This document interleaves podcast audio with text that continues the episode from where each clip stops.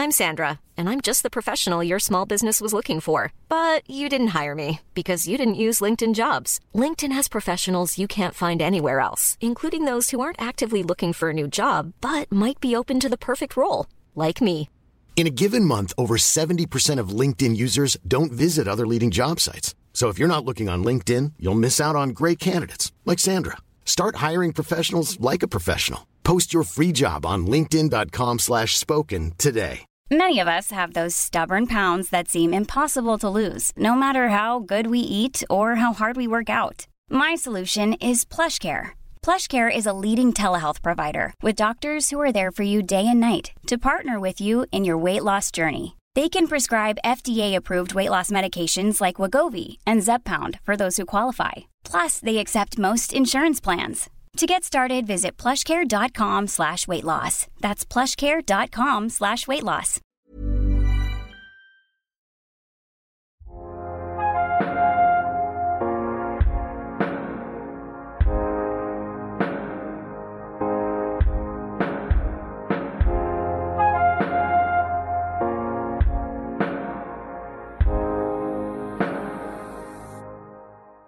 Welcome to Stories from Humans to Humans, a podcast where people tell their stories.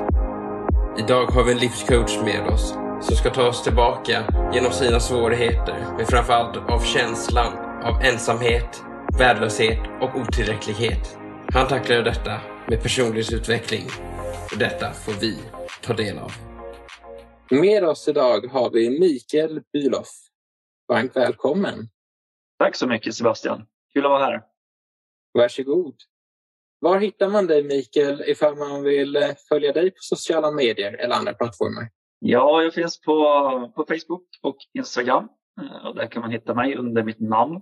Kanske inte helt enkelt att stava, men det är Mikael med vanligt K och sen Bülow med ett tyskt Y. Då. Eh, Och sen så har jag en webbsida också som heter precis som mitt namn, eh, som är under utveckling just nu. Då. Den kommer lanseras i början av nästa år.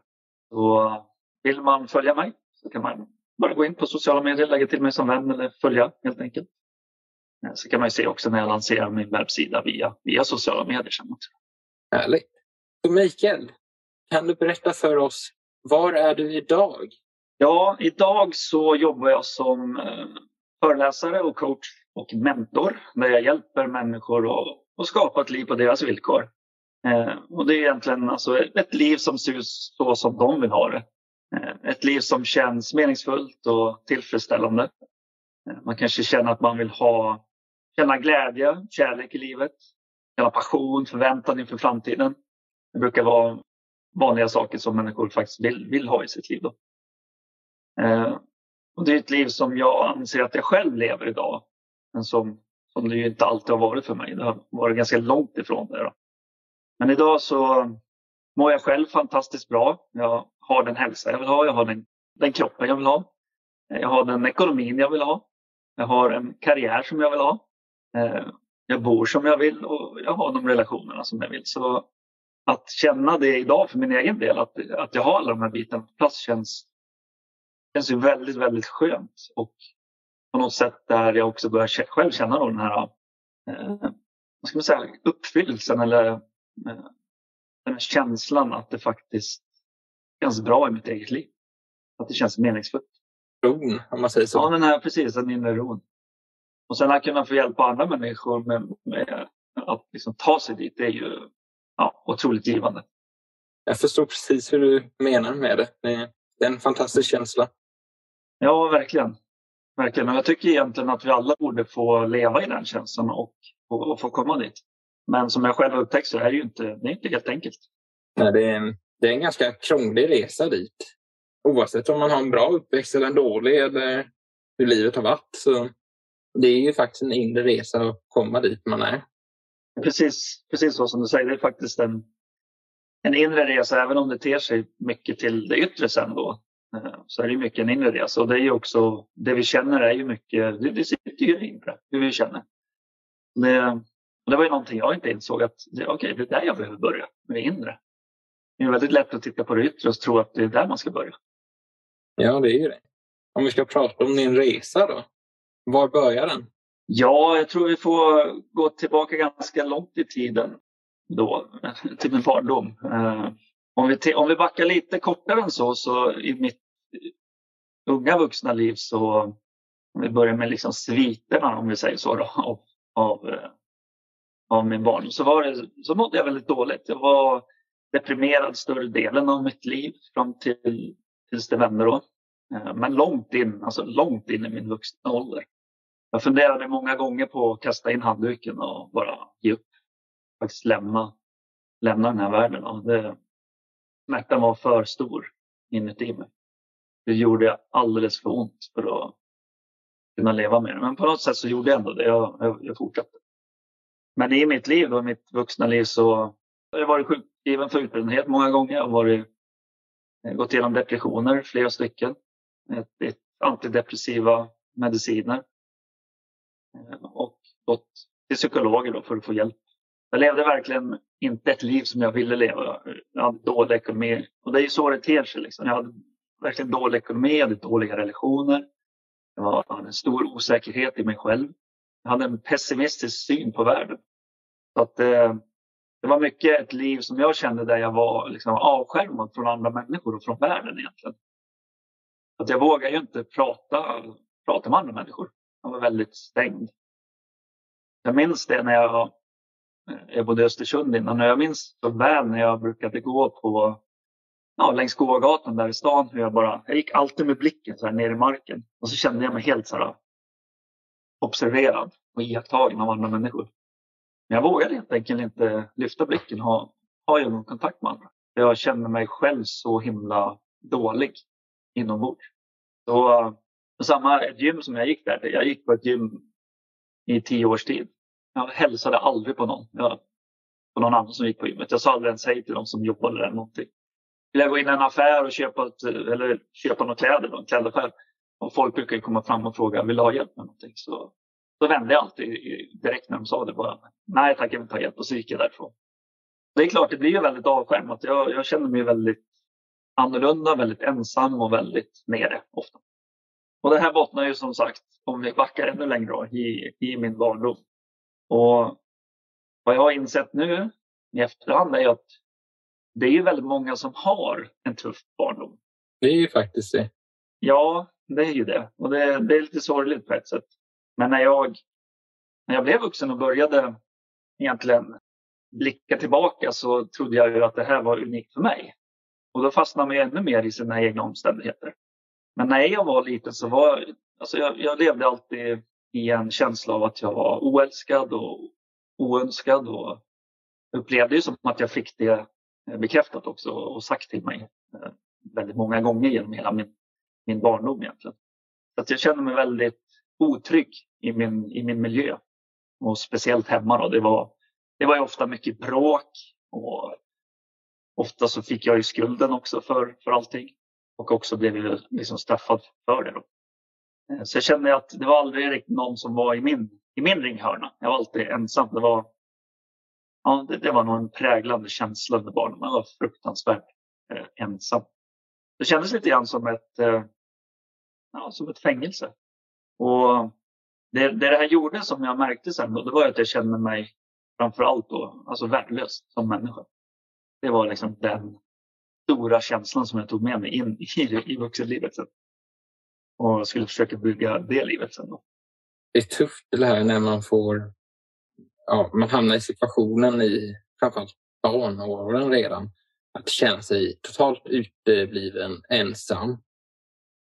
Någonting mm. man märkt genomgående, det som man pratar med folk, är att det är väldigt ofta barn får hamna i den här situationen. Mm. Ja.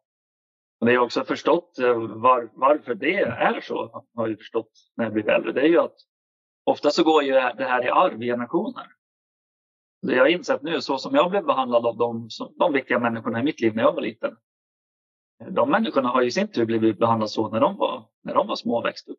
Som ju i sin tur hade blivit behandlade så av deras viktiga personer då, i deras liv det här går ju arv liksom. Så någonstans måste man ju bryta, bryta det här för att föra det vidare.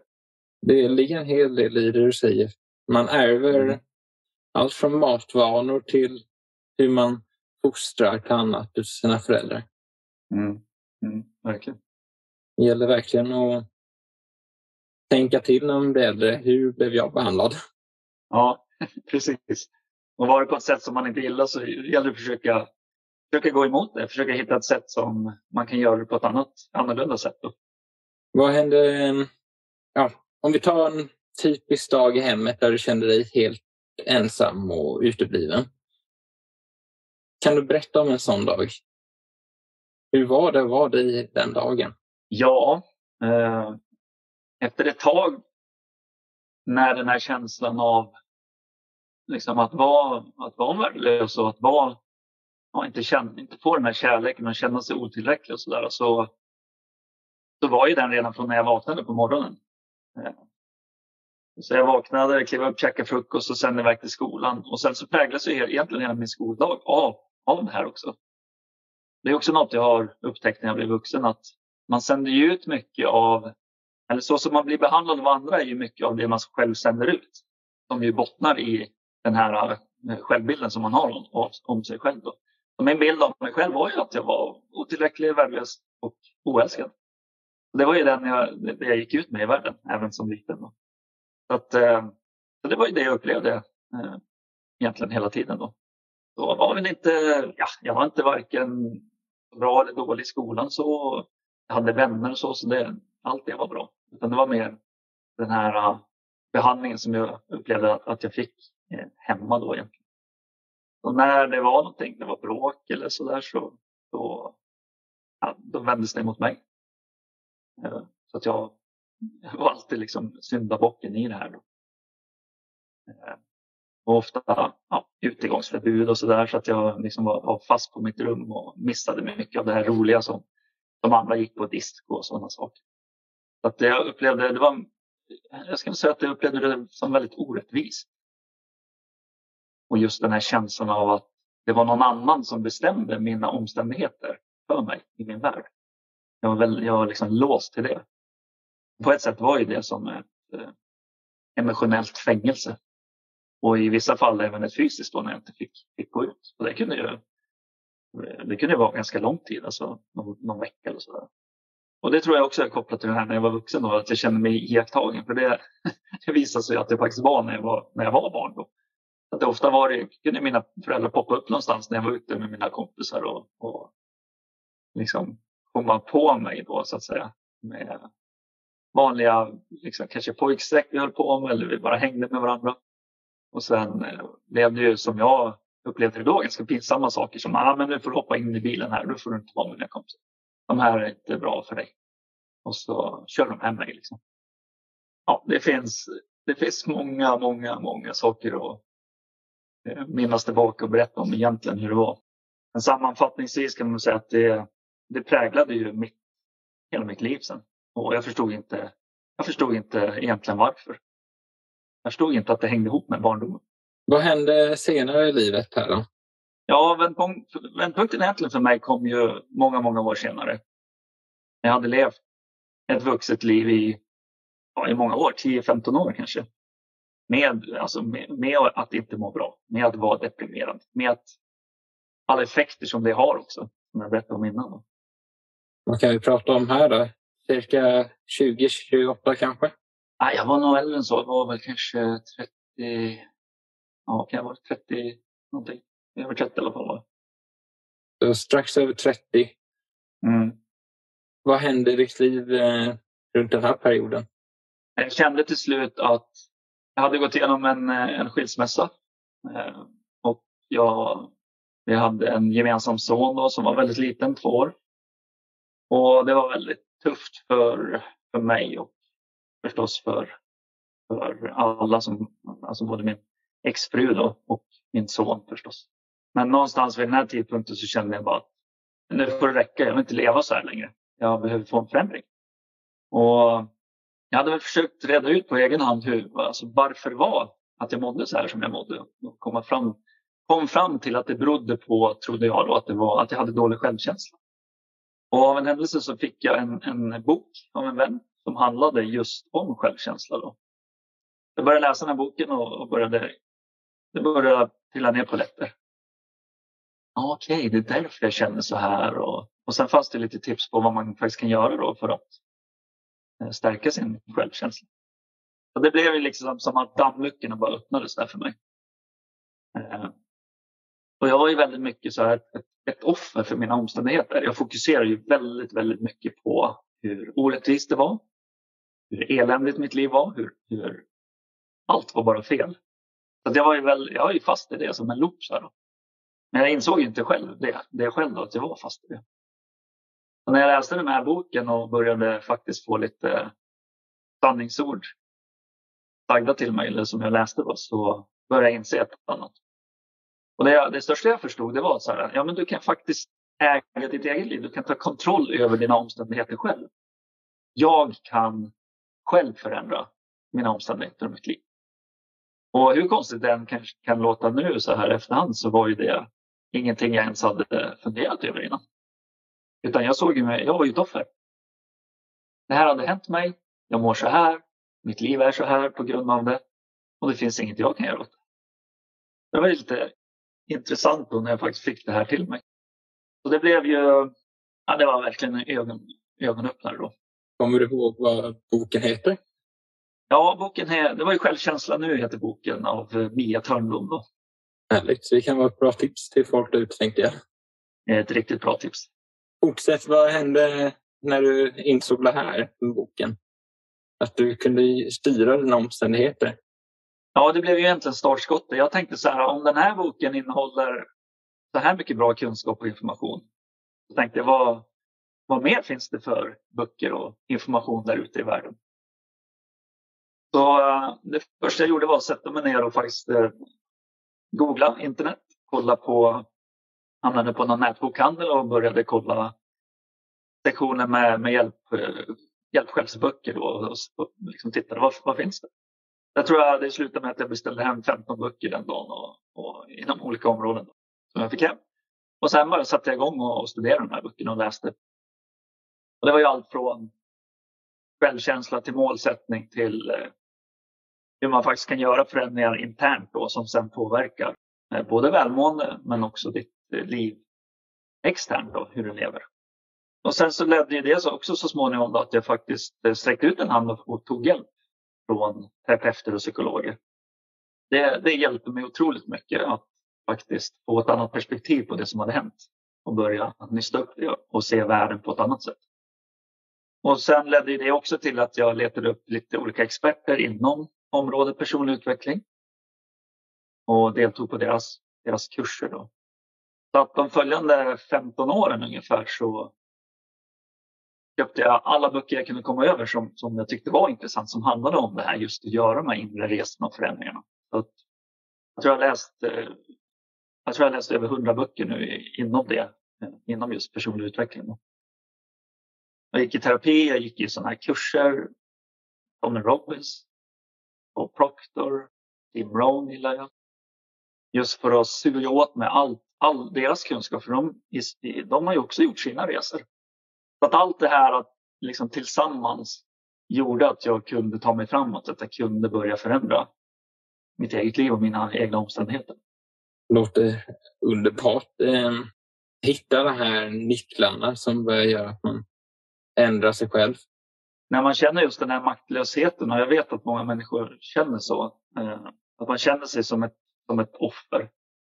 Det är inte så konstigt liksom med, med den, om man kommer från den bakgrunden att man gör det. För det var som jag ofta kände. Jag, jag kände att det, jag, när jag läste de här sakerna eller någon psykolog sa till mig eh, eller gav mig råd då, om olika saker så kände jag som att det var jag fick ny information. Jag fick saker som jag hade saknat som jag inte visste om. Det var en sån enkel grej som att få veta att ja, men du, du behöver inte vara ett offer. Jag vet att du känner så, men, men det behöver inte faktiskt vara så. Du kan ändra ditt liv själv. Ja, det är ju revolutionerande när man får en sån typ av insikt och kunskap i, för sitt eget liv. Och det var ju liksom bara den första saken. sen har det ju tänts tusen lampor till efter det tror jag. Och det finns säkert flera tusen lampor till att tända. Det finns ju hur mycket som helst att prata om med personlighetsutveckling och allt vad det heter inom den världen. Jag älskar området själv. Men eh, det har ju inte nog alltid varit så lätt att utveckla sig själv i den här resan. Vad har du haft för motgångar och positiva sidor på resans gång som du så extra minns? Jag skulle nog säga att de största utmaningarna har ju varit att när man läser böcker och så där så får man ju, får man ju mycket kunskap. Men sen för att faktiskt göra någon skillnad så krävs det ju någon form av handling, att man agerar. För kunskap utan handling, det är ju liksom bortkastad potential kan man säga. Och det, är den har jag sprungit in i många, många gånger. Det vill säga att jag har läst någonting och jag har förstått någonting och sen har jag tyckt det är jättebra. Men nu ska jag göra det själv. Och så, och så tar det stopp. Så just det där, hur, hur, kom, hur kommer man vidare? Då? Hur, hur gör man faktiskt det här som man har lärt sig? De här nya insikterna. Och där, fick jag, där, fick jag, där hittade jag till slut någonting som kallas för KBT. Då. Det är kognitiv beteendeterapi som har, som har en metod som funkar väldigt bra för att ha de här kliven framåt. Och det stora, det det går ut på egentligen att man gör det i små, små steg. Man gör det väldigt strukturerat. Man gör det nästan eh, som en liten, man ser sig själv som en liten professor kan man säga över sitt eget liv. Så man gör lite experiment på sitt eget liv. Men grejen är att man, man ska börja med sånt som är enkelt. Sånt som man vet man klarar av. I mitt fall då när jag, när jag höll på och började så var det en av de svåra sakerna var att prata med, med främmande människor, med andra människor. Eh, så då kanske jag fick börja med att prata med, med en vän om vad som helst. Ett random ämne. Innan jag bara kunde gå och prata med vem som helst. Då, då fick jag jobba mig upp då. Vad ska man säga, följa sig själv i den utvecklingen var ju väldigt spännande. Så jag, tog, jag, jag själv tog mig då från att inte, inte kunna ens prata med ja, expediten i, i en klädaffär till att nu står jag på scenen och pratar inför liksom hundratals människor. Eh, och har inga, alltså jag känner ju inga problem överhuvudtaget med det nu längre. Men jag vet ju hur fruktansvärt jobbigt det var en gång i tiden. Att ens prata med en främling. Liksom. Okej, okay. så du har gått från då hata prata med människor till att kunna stå på scen och prata inför alla. Eh, en ganska stor skillnad. Ja? ja, det är väldigt stor skillnad. Faktum är att det är en fantastisk skillnad. Första gången du började prata med en, ja, en random människa, hur kändes det? Fruktansvärt jobbigt. Jag var jättenervös innan. Det är ju som sagt, man får göra det lite som ett experiment. Och det kanske kan låta konstigt innan, men jag ser det nästan som att förbereda sig och öva inför vad som helst i livet egentligen. Om du ska ta ett prov i skolan eller du ska gå på en arbetsintervju eller vad det än är. Bara det att det här handlar om dig själv, en, en del av din egen utveckling. Så jag fick förbereda mig liksom innan, både mentalt och vad ska jag säga? De kanske svarar så här, vad säger jag då? Vad ska jag ens öppna med? Och så vidare. Och i början får man ju liksom, man får ju börja så, man får ju ta det därifrån. Och det kanske blir lite styltigt och konstigt och känns ju Ofta kändes det ju väldigt, väldigt läskigt och jag var rädd och jag kanske stammade och kanske var torr i munnen och helt skakig i benen och så här.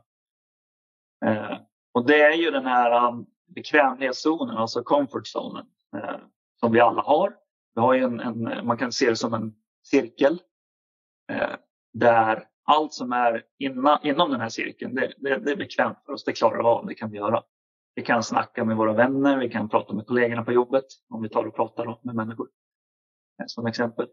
Men eh, allt utanför den här cirkeln, det är sånt som är okänt för oss, det är läskigt och ju längre bort från cirkelns kant det ligger, ju svårare här. det. Så det är därför man måste börja alldeles utanför kanten. Och för mig var ju det kanske då att prata med jag minns att på där jag jobbade då vid det tillfället så, fanns, så var det lite olika företag i, i den byggnaden. Så mitt, en av mina första uppgifter var att gå och prata med i köket, då, gemensamma köket. Bara säga hej till en person från det andra företaget. Det var utanför min, min cirkel. Kommer du ihåg ditt första hej där? ja, det gör jag. Berätta. Det var en tjej som jobbade på ett annat företag som eh, stod... Vi skulle värma mat i mikron då, i, eh, i köket. Minns jag. Så det var jag och det var hon där och hon höll på att värma sin mat. Eh, och jag kom ut där. Och det här brukade ju hända. Hon brukade ju värma sin mat där. Eller, ja, alla brukade ju värma sin mat där. Jag hade ju tänkt innan, så här, okay, vad ska jag säga och hur ska jag inleda? Och så liksom, kanske skriva ett litet manus hade jag nog gjort också. Inte som jag tog med mig då, men som jag hade jobbat innan. Eh, och sen så, så började jag bara med att säga, säga hej till henne, vilket var ett stort steg i sig. Och hon sa hej. Hon verkar inte ha något problem att, att prata med främmande människor. Eh, och sen så, jag vet inte vad vi pratade om, men någonting då klämde jag ur mig i alla fall. Och sen, och sen sa jag inget mer, sen gick jag därifrån. så det var liksom första. Men det, det var ju, just den tjejen var ju för mig en, en person som jag övade mycket på. Så till slut så hade vi ju eh, samtal om, jag vet inte vad, men ditten och datten där då, om olika, olika saker. Någon film kanske eller vad som helst, vanliga samtal. Så att det, det, jag märkte ju hur det mjukades upp allt eftersom hela tiden. Så det, hon, hon var en av mina första såna här träningskandidater. Då måste jag bara få, vet hon om idag att hon var din träningskandidat? Det vet hon inte om. vet du vad, vad jag tycker? Om du någonsin stöter på henne igen, berätta för henne vad hon egentligen har betytt för dig. Det ska jag göra faktiskt. Det var, det var länge sedan jag tänkte på det där, så det var ett roligt minne. Jag ska faktiskt, eh, ja, jag kanske ska leta upp henne och se om jag, om jag kan hitta henne och prata lite med henne om det faktiskt. Det är roligt. Det är gott för människor att höra vad man har betytt för varandra. Det gör ju det. det, gör ju det. Vad händer ja, i samma veva här nu då? Du, du har börjat läsa personlighetsböcker. Har börjat ta tag i att göra nytta av att har första gången vågat prata med en främmande tjej. Ja. Eh, då kommer ju den självklara frågan här nu. Hur är det med familjen? Min familj idag tänker du? Eh, då? Hur var det mm. när de här sakerna hände? Ja, det är min familj som jag växte upp i tänker jag. Ja, de du hade runt dig på den tiden? Ja, som sagt, jag hade ju, jag hade ju skilt mig då så jag, jag bodde ju själv. Eh, och min, mina föräldrar, nu ska jag säga, min pappa hade nog flyttat då till, tror jag, han bor i, ja, han bor i Kanada idag, men jag tror han hade flyttat till USA då. Och min mamma bodde ju kvar i Östersund, så hon och jag hade ju kontakt sådär då. Det är ju någonting också som har förändrats allt eftersom jag har gjort min egen interna resa. Så har ju den kontakten förändrats också då. Eh, och den är ju, idag är den ju mer eller mindre obefintlig skulle jag säga. Att jag, jag har ju till slut kommit efter lång tid till en punkt där jag har i mig själv förlåtit de som jag kände gjorde mig orätt när jag var liten. Jag tror att det också är ett stort steg att kunna, kunna förlåta, liksom att komma till den punkten. Och mest för sig själv. Inte, kan, inte, för, inte för egentligen någon annan, utan för dig själv. För det är först där jag kände den här liksom inre ron. Då kunde jag släppa det. Liksom. Så, men det är klart, det var en resa att komma dit. Från att, från att beskylla eller från att lägga all skuld på de här människorna till att bara liksom kunna förlåta det. Mm. Men för mig var det otroligt skönt att kunna göra det. Och det, tror jag, det tror jag är en nyckel faktiskt för, alltså för människor att kunna göra det. Vad tyckte människorna under den här perioden om all förändring som hände med dig? Folk måste ju undra vad händer med dig? Du hade ju ändå människor runt dig. En jättebra fråga. Faktum är att jag faktiskt gjorde en del förändringar i, i min miljö också. Så att jag, det, det började kanske faktiskt med och, faktiskt nyheter och sådana saker. Det var någonting jag skar bort. Jag kände att jag mådde inte bra av att titta på nyheter och allt elände som alltid rapporteras där. Och de liksom översköljde mig. Eh, jag minns hur jag när jag satt och jobbade på dagarna brukade ta, min paus var liksom att surfa in på Aftonbladet och kolla allting som hade hänt varje dag, flera gånger om dagen. Och det här fyllde ju liksom bara på det negativa. Jag var ju väldigt negativ internt då. Ut, utåt var jag nog inte så negativ tror jag inte. Jag tror inte man upplevde mig så negativ utåt. Om man inte kände mig. Nej men för det är ju det, det är den här masken som vi bär liksom. Jag hade ju den masken utåt. Nej, allt, allt är bra liksom. Men in, in, invändigt så mådde jag inte alls bra. The man behind the mask. Ja, verkligen. Så att, eh, så nyheter var nog det första liksom, förändringen jag gjorde. Jag skar bort allting. Så jag, jag har inte tittat på nyheter de senaste 15 åren heller. Så det gjorde en jättestor skillnad. Så den andra grejen var att börja se mitt umgänge och, och, och rensa det lite grann. Och sen var det faktiskt mitt boende så jag flyttade, flyttade ifrån Östersund för att byta miljö helt och hållet. Så att eh, många av dem jag började lära känna när jag hade flyttat då visste ju inte mig, alltså mitt gamla jag om man säger då. Jag, fick, alltså, jag har inte fått jättemycket så, eh, tror jag, eh, feedback kring just vad som hände där och då. just eftersom vi gjorde de här förändringarna. Det känns som att eh, det gjorde en stor skillnad på en gång. Så här, att eh, Vi kapar mycket dåligt gammalt och skapar nytt. Ja, Tog en Precis. ny start. Mm. Det var lite så det kändes faktiskt när jag flyttade också. Att nej, men jag, nu vill jag ha en ny start. Eh, och det var ganska skönt att känna det och kunna göra det. För då kunde jag, då kunde jag skapa livet alltså på mina villkor. Då hade jag ändå kommit så pass långt att jag förstod att jag kunde göra det och började få lite verktyg att faktiskt göra det också. Och fram tills dess hade jag ju, jag hade, jag hade ju aldrig ens tänkt på vad vill jag egentligen? Vad har jag för visioner för mitt liv? Vad har jag för mål? Vad är det jag, vad är det jag vill? Mm. Det var ju också en av de här grejerna att, eh, som jag fick till mig via de här olika kanalerna. Då. Ja, men, vad vill jag egentligen? Okej. Och vad ville du? Ja, jag ville, jag ville, inte, jag ville inte bo kvar där jag, där jag bodde utan jag ville flytta närmare min son. Som vid det tillfället då hade, eh, hade flyttat Hey, I'm Ryan Reynolds. Recently, I asked Mint Mobile's legal team if big wireless companies are allowed to raise prices due to inflation. They said yes. And then when I asked if raising prices technically violates those onerous two year contracts, they said, What the f are you talking about, you insane Hollywood ass?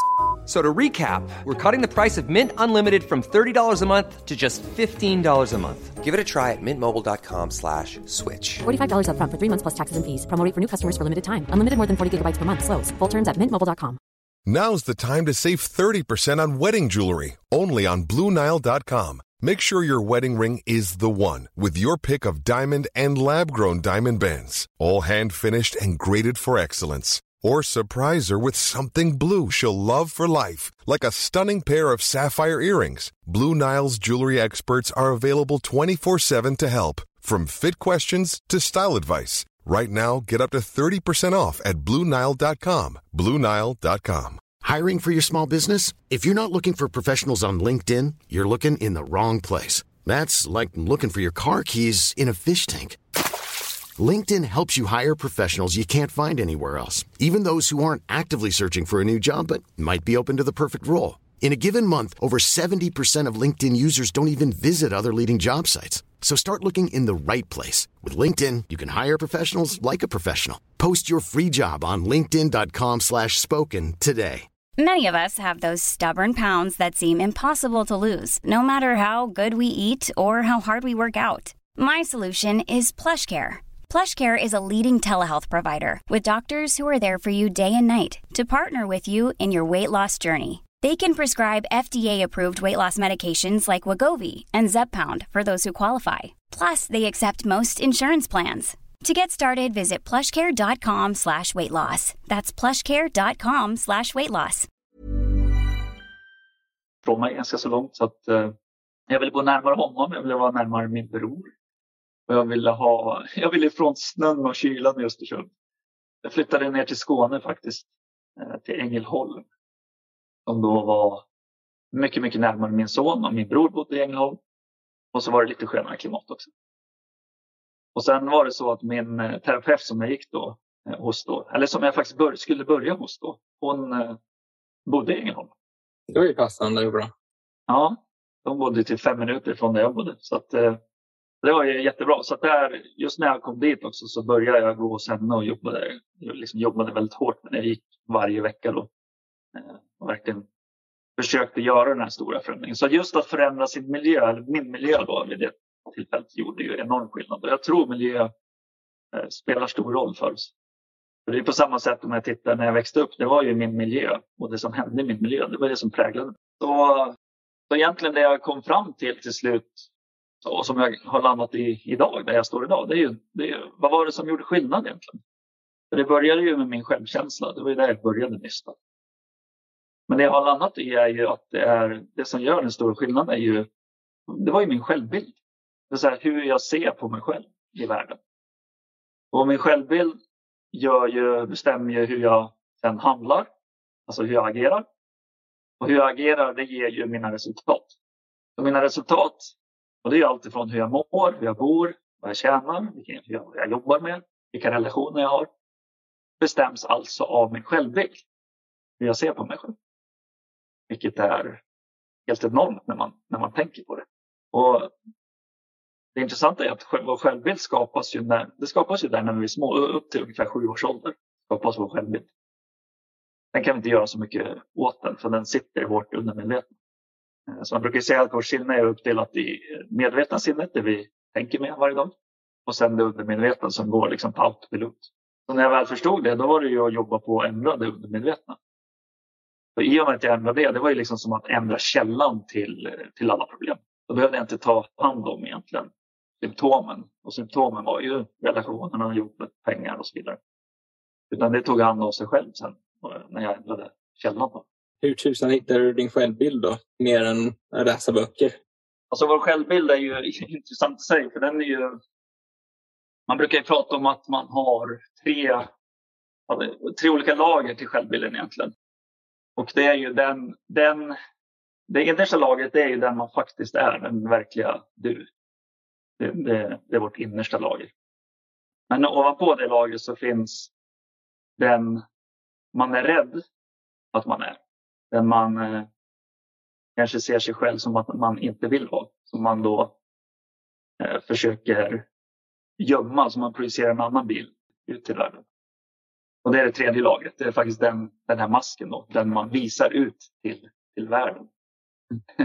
Vilket gör att man inte är någonstans är den man faktiskt är. Eh, eller visar den man faktiskt är. Och det är inte så konstigt för att det, det handlar om är att vi vill gömma, gömma våra sår. Vi vill gömma vår, alltså vår sårbarhet, det vi är rädda för att visa. Det är det vi vill gömma. Men så att det handlar om att börja eh, nysta upp det här och komma in till kärnan av vem vi faktiskt är. Då. Det första kanske man behöver göra är att titta på sina övertygelser. Vad har jag för övertygelser idag? Vad är det jag tror om både mig själv men också mina omständigheter och världen? För jag anser att det inte egentligen finns någon absolut sanning utan sanningen är ju det vi gör av det. Det är vår tolkning av det. Det är ju vår egen sanning. Det är därför vi kan ha så mycket olika åsikter olika människor. Man har ju sin egen sanning. Jag håller helt och hållet med dig. Ja. Så där är det ju att titta så här att det du tror om dig själv. Nummer ett, tjänar det dig? Tjänar det mig att tycka att jag är värdelös? Nej, det gör det inte. Okej, om det inte gör det, kan du då ändra på det? Och Det första där är att titta så här, vad har du för bevis för att det faktiskt är så, att du är värdelös? Vad finns det för bevis? Hur ser en värdelös människa ut? Ja, det var en bra fråga. Ja, och sen så börjar man ju inse att nej, det finns nog inga bevis. Det är någonting jag bara tror. Och det här, det här kan jag prata hur länge som helst om, men kortfattat är ju varför tror vi det vi tror? Alltså det är inte vi som tror egentligen. Det är någonting vi har återigen fått ärva. Det är någon annan som har trott saker eller någon annan som har sagt till oss. Eller någon annan som har betett sig på ett sätt mot oss som gör att vi tolkar det som att vi är värdelösa eller vi är inte älskade eller vad det nu kan vara. Och det är egentligen någon annans tro, och vilket betyder att varför, varför ska vi gå runt med någon annans tro? Den kan vi slänga. Vi kan skapa oss vår egen tro istället. Och det är det första, utmana dina övertygelser. Vad, vad har du för bevis? Och sen bara skjut ner de där bevisen.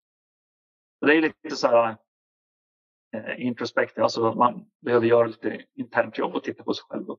Vad är andra steget då? Andra steget är att titta, då kommer vi till det här med vision som jag inte hade. Ja, vad vill du egentligen med ditt liv? Hur vill du att det ska vara? Vi har, vi har ju faktiskt bara ett liv och det är ganska kort märker man ju äldre man blir. Tiden går. Eh, så det här är allt vi har. Det, det är liksom, ska vi göra någonting av det så då är det nu vi behöver göra det. Och faktum är att det, det kan se ut precis som du vill. Även om det är svårt att tro det där vi befinner oss idag kanske. Men det kan det faktiskt göra. Så hur vill du att det ska se ut? Och Det här är väldigt viktigt därför att allting i världen det skapas ju två gånger. Den första gången så skapas det här inne i våra sinnen. Och det är vår vision, det är våra mål, det är våra drömmar, det är vad vi vill. Vi måste börja där. Vi måste bli väldigt tydliga med oss själva. Vad, vad är det vi vill? Sen när det har skapats där, då, kan, då skapas det en gång till och det är ju i den verkliga världen. Då kan vi faktiskt gå ut och skapa det här. Och se till att det blir en del av vår, vår egen verklighet och blir vårt, vårt liv. Så det är steg nummer två. Och vad blir tredje steget då? då? Tredje steget det blir att eh, skaffa ett övertag på sig själv, skulle man kunna kalla det. Därför att nu kan vi ju titta så här. Då. Vi vet hur vårt liv ser ut idag. Och så har vi en vision av hur vi vill att vårt liv ska se ut i framtiden. Vi har två vägar egentligen. Och just nu så står vi vid ett vägval. Och nu kan du välja så här. Alltså, ska du svälja det röda pillret eller det blå pillret? Ska du gå den vägen som är som leder framåt på precis exakt samma sätt som du hittills har gjort? Och var kommer du hamna då? Och I mitt fall då jag var deprimerad, jag mådde inte bra, jag hade som sagt dålig ekonomi, dåliga relationer och allting. Så jag visste ju att den här vägen skulle fortsätta leda dit. Det kommer ju inte bli någon förändring om inte jag ser till att göra en förändring. Och då kan man gå in i den känslan och verkligen känna hur, hur mycket smärta kommer det fortsätta ge mig? Hur ont gör det? Man kan verkligen sätta sig ner och bara känna det och visualisera det och tänka sig in i det en sån framtid. För all framtid. I liksom 70 år till kommer det vara så. Mm. Det gör ganska ont. Sen kan du titta på den andra vägen. Men om jag istället gör så här, om jag kunde leva så här. Man behöver inte ens veta hur det ska gå till vid det här, i det här, vid det här tillfället, alltså vid det här skedet. Då. Utan mer det här jag skulle vilja. Och om det hände, om det kunde få vara så, hur skulle det kännas? Och det kan vara ganska svårt att känna det när man befinner sig på en dålig plats. Men att försöka göra allt man kan för att liksom uppmana den känslan. Och vad jag brukar gilla att göra det är att försöka hitta ändå minnen bakåt i tiden. För förhoppningsvis har man ju något positivt minne i sitt liv. Kanske en resa man har gjort eller kärlek man har haft eller någonting. Och hur kändes det då? Och sen stärka de minnena på varandra. Man det kändes så här. Åh, när jag var utomlands på den här stranden och kände solen mot min hud. Och, ja, det var helt underbart. Och jag kanske var med den här tjejen och vi gjorde det här. Och jag kände den här gemenskapen och kärleken. Och så bara stärker man det. Och då har det en ganska stor kontrast och det är det jag kallar för övertag. Och där kan du göra ett beslut att faktiskt följa den nya framtiden istället för den gamla. Det är steg nummer tre. Låter väldigt klokt. Ja, det mesta är ju inte mina egna idéer. Det är andra kloka människor. Ja, men eh, ibland räcker det med att någon klok människa har sagt något bra som kan få mm. spridas via andra människor. Ja, verkligen. Man skulle väl kunna säga att börja med ditt innersta. Sen eh, din vision och sen eh, försök leva den. Skulle man kanske kunna säga. Ja, exakt. Och det sista steget blir ju här nu då, som vi pratade om innan, att faktiskt agera på, på det här nu. Då. Mm. För en dröm är ju en dröm så länge du ja, så länge du inte gör någonting av det. När du väl börjar faktiskt agera på den, det är då det kan bli verklighet. Och här kan man ju titta, finns det, finns det någon annan i världen som har gjort det här som du vill, vill göra? Och finns det det, då vet du att det är möjligt, högst möjligt. För vi är alla människor i grunden.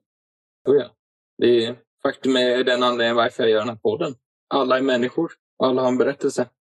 Ja, så sant.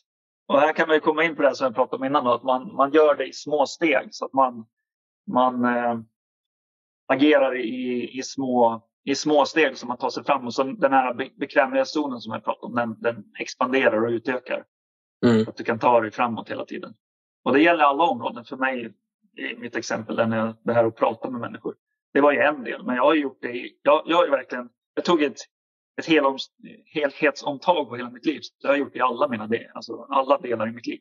Med tanke då på, om vi släpper lite personlighetsutveckling i sig så, men ändå lite där då. Med tanke på din uppväxt och hur du kände dig som barn och vad du har lärt dig nu med åren här. Hur ser din relation och hur tänker du då med ditt barn? Ja, jag har nog ända från början tänkt att jag ska försöka att inte göra på det sättet så som jag blev behandlad då. Eh, därför att det gjorde så himla ont. Sen har jag upptäckt att utmaningen med det är ju att agera på ett annat sätt när man själv har de här såren.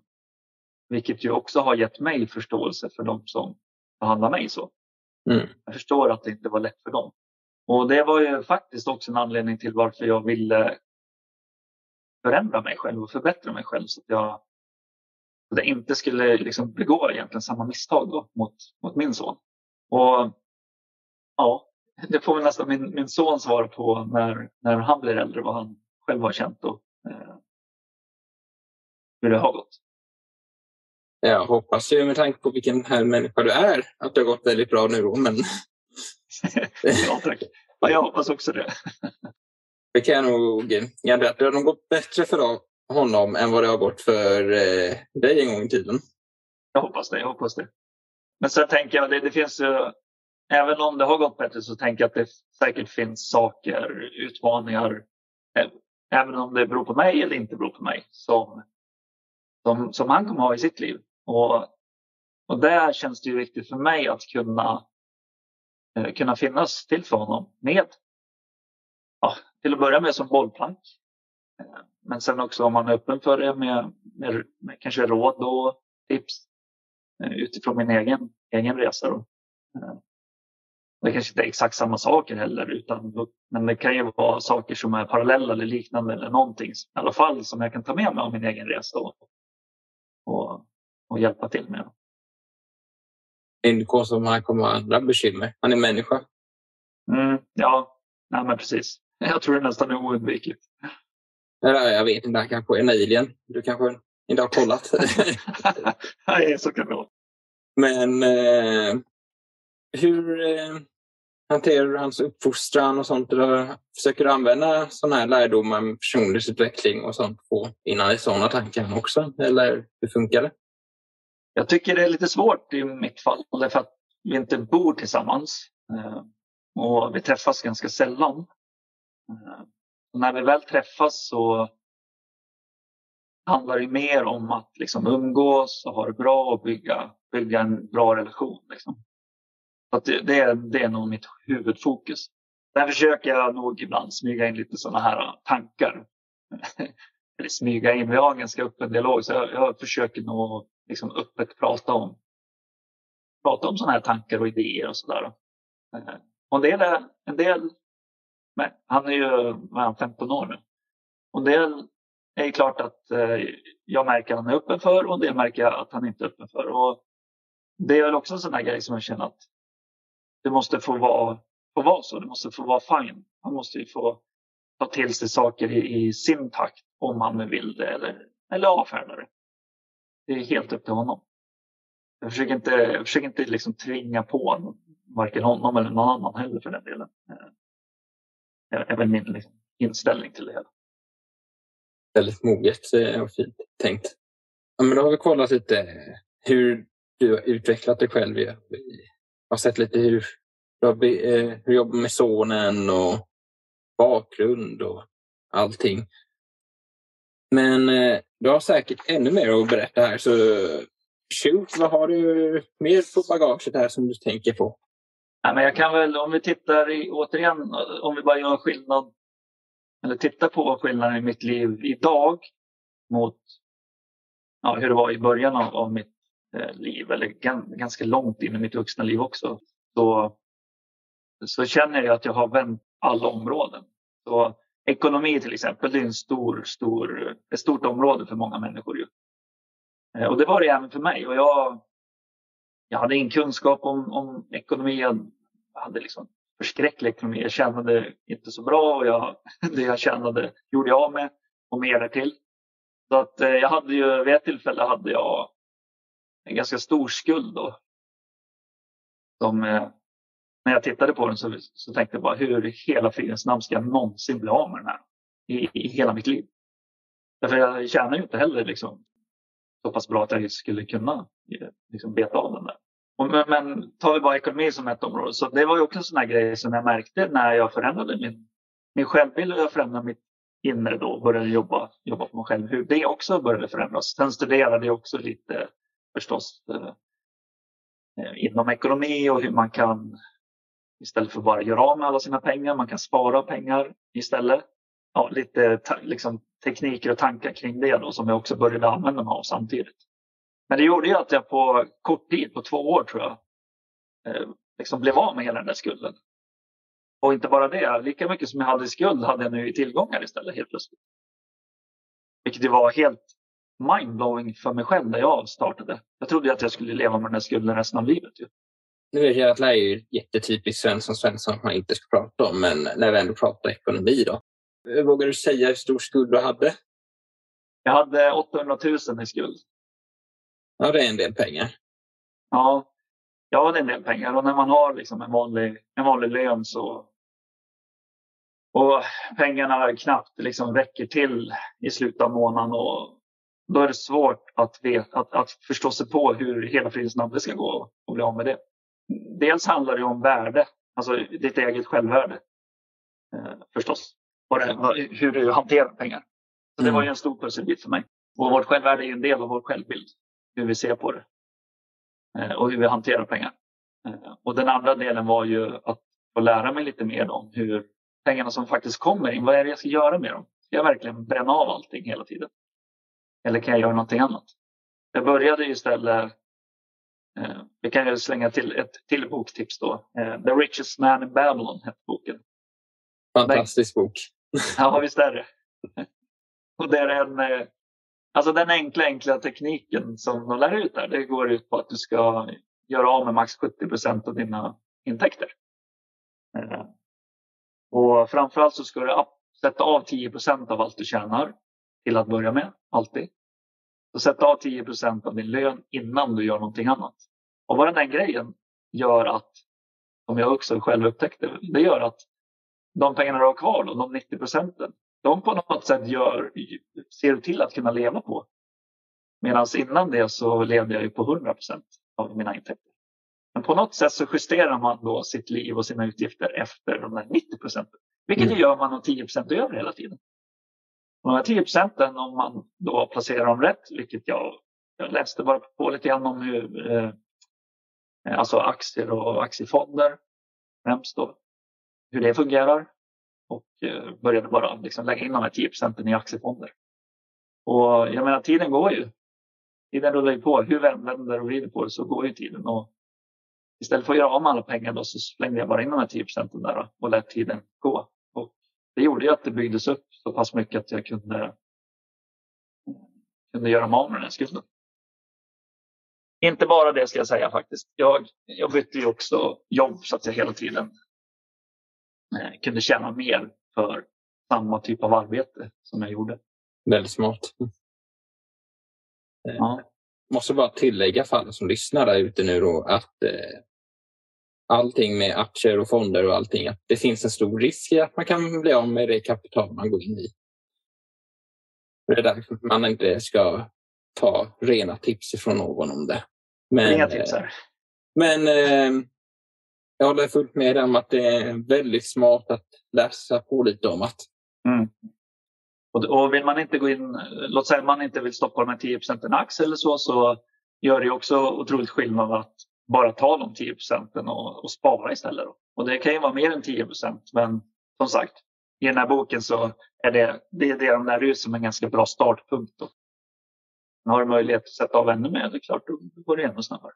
Så det har ändrat från taskig ekonomi, dålig självkänsla, eh, ja, eh, ja, rubbet egentligen, till eh, en helt annan personlighet till den du egentligen är. Bra ekonomi. Vad är mm, nästa steg i livet? Nästa steg är att få, ja, få alltså hjälpa människor som är på en liknande resa och haft liknande utmaningar som jag har att Eh, på ett lite snabbare sätt än vad jag gjorde. Då. För mig tog det ungefär 15 år och det tog mycket pengar. Jag har lagt ner väldigt mycket på att, att liksom investera i mig själv för att komma över det här. Då. Eh, och det har tagit, det har tagit mycket vilja och mycket kraft, ska jag säga. Mycket tid. Och så det jag vill göra nu är ju att jag, jag håller på att sätta ihop ett, eh, en kurs, faktiskt ett program. Jag har börjat att coacha människor, jag börjar föreläsa lite grann. Håller på att skriva på en bok också. Så att, eh, nästa steg är att ta fram en kurs där jag har sammanställt de här 15 åren och alla de tips och strategier och tips som jag, eh, eller tillvägagångssätt som jag har lärt mig under de här åren. Och det som faktiskt har funkat för mig. Och skapa en kurs kring det som jag eh, vill erbjuda andra människor. Då. Man kan ta den här kursen och på lite, som sagt, lite kortare tid än vad jag har gjort. Men också på ett sätt som eh, och skapa resultat som är varaktiga. För det tycker jag är viktigt.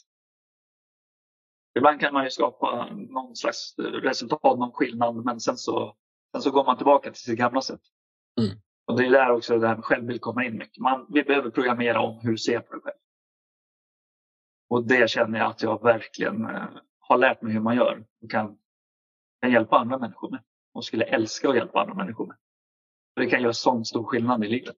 Ja, det ligger mycket i det. Och jag tror att det kommer vara många här nu som hör det här som redan nu efter bara lite personlighetsutveckling här och lite av din berättelse kanske blir inspirerade av att ta reda på mer av det här. Ja, men det hoppas jag verkligen. Och, och sagt, på vilket sätt det än är så tycker jag att eh, känns det här intressant och så, där, så att man undersöker på vilket sätt man kan hitta hjälp för sig själv. Det? Jag brukar säga det, hitta det som, som tilltalar dig. Mm. Det finns ju, finns ju massa böcker och massa material på Youtube och massa kurser och massa olika saker. Hitta något som tilltalar just dig. Det tror jag är viktigt också. Och som du känner kan, kan hjälpa just dig. Eh, och sen bara ge dig in i det. Okej. Eh, Jag tänkte ta lite tips utav det här då också. Ja. Jag vill börja med Tänk dig själv tillbaka tills du var kanske ja, sex år. Då. Vad skulle du vilja säga till dig själv som sexåring när du känner dig ensam, utfryst i familjen och anklagad? Ja, alltså fokus. Fokus är en stor, stor del. Eh, så att även om man är sex år eller man är vuxen nu då, så är ju fokus det vi, det vi, det vi fokuserar på, det expanderar ju. Eh, så det vi lägger vår energi på, det, det får vi mer av i våra liv. Så fokus har ju en otroligt stor del av våra liv. Och fokus är ju någonting vi själva kan välja. Det vill säga vad är det jag väljer att fokusera på? Vad är det jag väljer att, på vilket sätt är det jag väljer att tolka situationer som händer? Allt det där är ju liksom fokus. Och ju mer du fokuserar på det med känsla, desto mer effekt har det. Så titta lite grann på det här med vad det är som du faktiskt alltså fokusera på. Eh, och ta ett steg tillbaka kan du se det på, på ett annat sätt. Och något som kan vara ganska bra att bryta ett negativt fokus, det är att börja titta på vad i mitt liv har jag som jag kan vara tacksam över.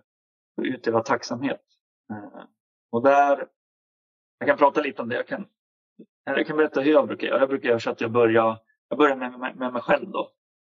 Och sen så går jag ut som i en spiral utifrån det. Så jag börjar med mig själv, eh, mina närmsta, min son, mina, min, min bror, mina närmsta vänner. Och bara känner liksom, det är det, känslan är viktig här. Man försöker framkalla en känsla av faktiskt genuin tacksamhet. Hur, hur härligt det är att jag har de här människorna i mitt liv. Och sen så går jag ut som, som i en eh, spiral då. Eh, så kan det vara vänner, kollegor, coacher, mentorer, folk som skriver böcker, folk som pratar på Youtube, på tv kanske, vad, vad det är man tycker. Då. Och sen ännu längre ut så kanske omständigheter, då, hur jag bor, min dator här som jag pratar med dig genom nu, min telefon, min säng och så vidare. Och så vidare. Och sen att man, det finns ju hur mycket som helst liksom man kan hitta. Jag har faktiskt skrivit en lista. Som jag, eh, men det här kan man göra som man vill skriva en lista eller om man bara liksom kommer på det. Och sen försöka göra det varje dag. Och det man märker efter ganska kort stund är ju att allt det negativa som man ofta fokuserar på, det, det skiftar ju fokus. Eh, man får mycket, mycket mer positiva känslor och den här tacksamheten för allt, allt i världen och livet. Sen kan man ju, om man vill också faktiskt jämföra lite grann med hur det ser ut i övriga världen eh, för människor. Det är inte alla som har det så bra som vi har det här i Sverige. Den kontrasten i sig eh, gör ju att jag, jag själv känner mig otroligt tacksam att bara ha tak över huvudet och mat och vatten i kranen. Liksom. Det finns ju många nivåer av tacksamhet egentligen. Sant. Väldigt sant. Så fokus.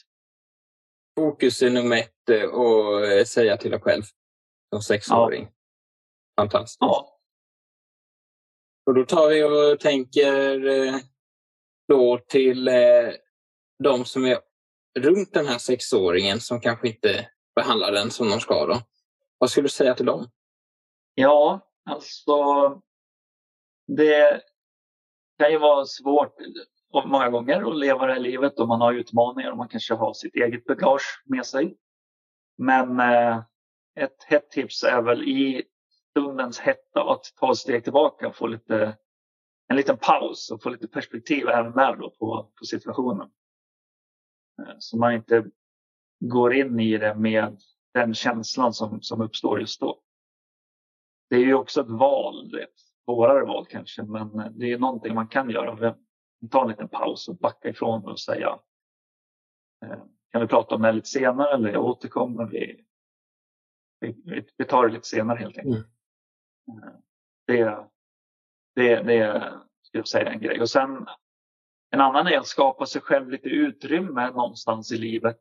Eh, och det kan ju vara kanske en söndag eftermiddag att man drar sig tillbaka någonstans i, i, i sin ensamhet och reflektera lite grann över sig själv och sin situation i livet. Och dels då hur, hur är jag som person? Hur tycker jag att jag är som person, både mot mig själv och mot andra? Och eh, hur, hur, hur lever jag mitt liv just nu? Finns det någonting jag tycker inte känns riktigt bra? Finns det någonting jag skulle vilja förbättra? Känns det, riktigt bra så här nu som jag behandlar min, min son till exempel? Eller var, var, ska, var ska vi skon lite grann? Alltså man behöver den här egen tiden och bara liksom eh, skaffa sig ett utrymme att faktiskt reflektera över sitt eget liv. Eh, och sen det man kommer fram till, agera på det då. Så sant, så sant. Många kloka ord till dig, Mikael. Ja, vad bra. Vad kul att höra. Jag vet inte riktigt mer vad man ska fråga dig. Du är en klok man. Mm, tack så mycket Sebastian. Många bra åsikter. Nej, men det, det blir väl så. Jag brinner verkligen för det här och har hållit på med det så länge så att det förhoppningsvis sipprar det väl ut någonting, någonting bra också. Men det är ju därför jag känner så mycket att jag vill eh, liksom, kunna hjälpa andra människor med det här också. För jag vet att många kämpar med det och jag vet hur mycket jag fick kämpa med det. Så som jag mådde förtjänar ju liksom ingen människa att må. Och även om man inte är, är så illa, illa däran så finns det ju även nivåer på det. Men jag skulle säga så här, så länge, så länge du känner att du inte riktigt får ut det där du vill ha av livet eller inte riktigt känner dig kanske nöjd eller inte har det livet du vill ha. Då finns det ju alltså förbättringspotential. Det finns ju utrymme att, att förändra det. Är allting jättebra och du är helt supernöjd med allting så är det jättebra. Det är toppen. Då, då finns det kanske inte så mycket att ändra på. Men ofta, ofta finns det ju någonting att ändra på. Det gör det ju även för mig förstås fortfarande. Det, och det kommer det att göra så länge jag lever, eh, skulle jag tro. Eh, och då, då tror jag det kan vara bra att man tittar på det, att man känner att man faktiskt tar tag i det om man vill göra en förändring. Då tycker jag man ska göra det. Då hejar jag på. Då måste jag ju säga det att eh, om det inte finns förbättringspotential och vilja utvecklas eh, tror jag att det kanske är dags att börja fundera på alla de här tre stegen igen. Ens inre, ens eh, tankegång och sitt eh, yttre. För att gud vad tråkigt om man inte kan eh, förbättras eller förändras. Ja, precis. På, på något sätt är det nog en del av meningen med livet. Tror jag kanske är meningen med livet till och med. Men vi är ju på något sätt alltså målsökande organismer, vi människor. Vi, jag tror vi mår som bäst när vi också har den här utvecklingen eh, och har någonting att se fram emot. Och det är därför också jag tycker det här med mål, vision och drömmar är så viktigt. Och jag förstår ju varför jag mådde så dåligt, för jag hade ju inte, jag hade inte det alls. Jag försökte bara överleva. Men när jag väl började sätta, sätta upp lite visioner och mål och drömmar för mitt liv, det, det är där någonstans den här härliga känslan med passionen och att kunna brinna för någonting, att kunna verkligen sträva efter det. Det, det är där det kommer. Och det tycker jag vi ser på många av de här som ser ut att vara, om man tittar på de framgångsrika i världen, liksom, de har den här yttre framgången kanske. Och framgång kan ju vara olika för alla, men jag tror en stor del är just det här att de, att de hela tiden eh, utvecklas och strävar efter någonting och får dem att må bra. Jag tror att du har en stor poäng där. Vet du vad jag tänkte säga då, Gele? Att eh, jag ser fram emot om några år när eh, du är en stor föreläsare, stort namn i Sverige, kanske Europa eller vart du än tar vägen. Och kunna få prata med dig då och få höra om resan du har gjort då. Ja. Vad du har berättat om. Fatta Det låter vilken, som ett roleplay. ja, alltså, fatta vilken fascinerande resa. Du har redan gjort en otrolig resa. Med alla dessa möten du kommer att göra och ögonblick du kommer att få vara med om. Och känslor och upplevelser. Ja. Jag ser fram emot att få höra rubbet. Ja, vad kul. Ja, men det är absolut, då får vi ta en till sån här sittning. Det, det ser jag verkligen också fram emot. Det, det är det som ger mig min, eh, mitt driv just nu och den här passionen att, att kunna få göra det. Eh, Så att det absolut, det ska bli jättekul och, och det är det jag gärna har med mig av när jag, när jag kommer dit. Fantastiskt. Tack så mycket för idag. Och det ska bli kul att få följa din resa. Mm, tack så mycket detsamma till dig. Och det ska bli kul att följa din resa också. Tack så mycket. I nästa veckas avsnitt får vi följa Marcus, en ung man som redan under tonåren fick sin första stomipåse på grund av sin krånglande mage. Det är en gripande och tårfylld berättelse. Men nu får du ha en fantastisk vecka så hörs vi snart igen.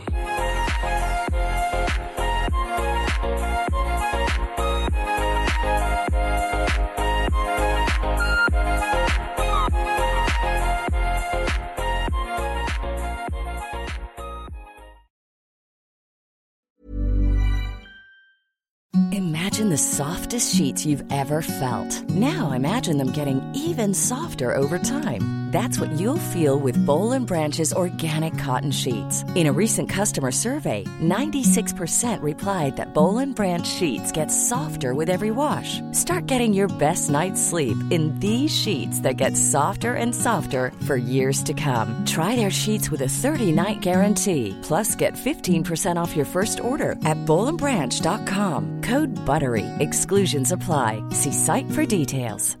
Hi, this is Paige from Giggly Squad, and I want to talk to you about Splash Refresher and my water intake. Okay, so you guys obviously know that I'm a hydrated girly, but sometimes when you drink that much water, it starts to just taste bland, and you're just like, I need something to spice it up. That's why I love Splash Refresher.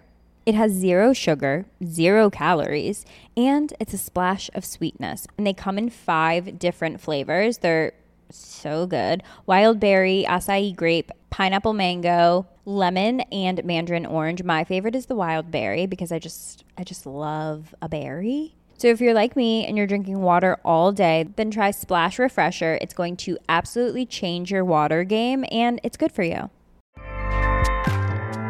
ACAST powers the world's best podcasts.